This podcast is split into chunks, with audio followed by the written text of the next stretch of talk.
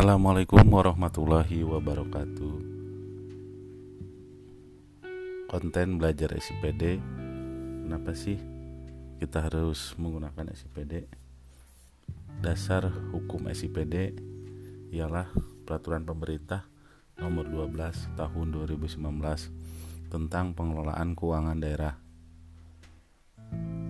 Terus lagi Permendagri 70 tentang SIPD Permendagri 90 tentang KKN, klasifikasi, kodifikasi, dan nomenklatur yang terdiri dari 2300 halaman yang memuat kode rekening, subkegiatan, program, unit organisasi, sumber dana. Selanjutnya, dasar hukum ialah surat edaran Kemendagri tentang percepatan implementasi SIPD tertanggal 27 Januari 2020 yang terbaru SEK Mendagri tentang penyusunan APBD tahun anggaran 2021 dilaksanakan melalui sistem SIPD sesuai dengan Permendagri 70 tertanggal 26 Juni 2020 alamat resmi SIPD titik Kemendagri titik go titik ID itu dasar hukum yang mendasari tentang SIPD. Selanjutnya, saya akan membahas mengenai alur pengisian kegiatan dalam SIPD. Um, akun admin daerah ialah Sekda membuat akun TAPD, membuat akun perangkat daerah, membuat akun inspektorat, membuat akun pengadaan barjas, membuat akun admin standar harga dan akun DPRD. Jadi yang membuat pertama kali ialah akun admin daerah, akun Pasekda. Setelah membuat akun, TAPD Inspektorat PBJ membuat akun anggota lainnya di bawah TAPD anggotanya siapa inspektorat di bawahnya bagian PBJ di bawahnya Selanjutnya, kepala daerah yang telah dibuat Pasekda membuat user kabid dan membuat kasubid serta staf yang ada di perangkat daerah.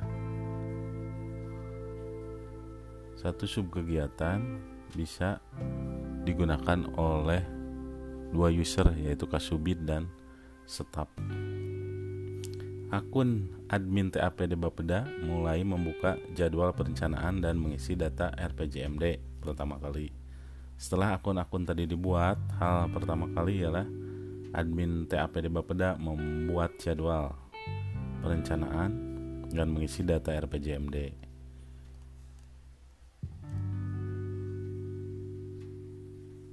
Akun kepala perangkat daerah mengisi data rensra dan data pendapatan atau retribusi.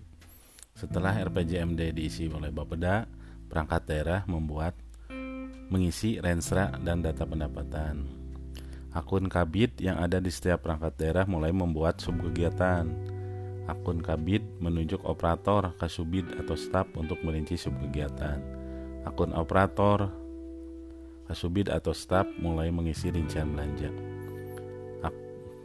Terus masuk lagi kepada akun kepala OPD akun kepala OPD memvalidasi sub kegiatan yang dibuat oleh Kabid, Kasubid, serta staf. Selesai tahapan dari perangkat daerah. Akun selanjutnya di akun TAPD BPKD mengisi data belanja transfer, belanja tidak terduga, dan pembiayaan. Badan Dinas Pendapatan Daerah mengisi data pendapatan daerah di luar pendapatan retribusi di setiap perangkat daerah. Akun admin standar harga menyiapkan data komponen SSH, SBU, HSPK, ASB yang menurut pengalaman yang harus utama yang harus pertama disiapkan ialah akun SSH akun admin standar harga harus menyiapkan SSH, SBU, HSPK dan ASB secara lengkap. Di ketika perangkat daerah kecamatan mau mengentry belanja apa pun sudah tersedia di SSH yang membuat lama di SIPD ialah akun standar harga, pokir, dan aspirasi masyarakat. Bapeda, BPKAD Inspektorat dan Bagian Pengadaan Barjas melakukan verifikasi terhadap hasil inputan kegiatan SKPD. SKPD melakukan perbaikan sesuai hasil verifikasi. TAPD memverifikasi ulang jika sudah selesai jadwal dikunci, dokumen dicetak dan berlanjut ke tahap berikutnya. Tahapan perencanaan dibuka oleh Bapeda, tahapan penganggaran dibuka oleh BPKAD.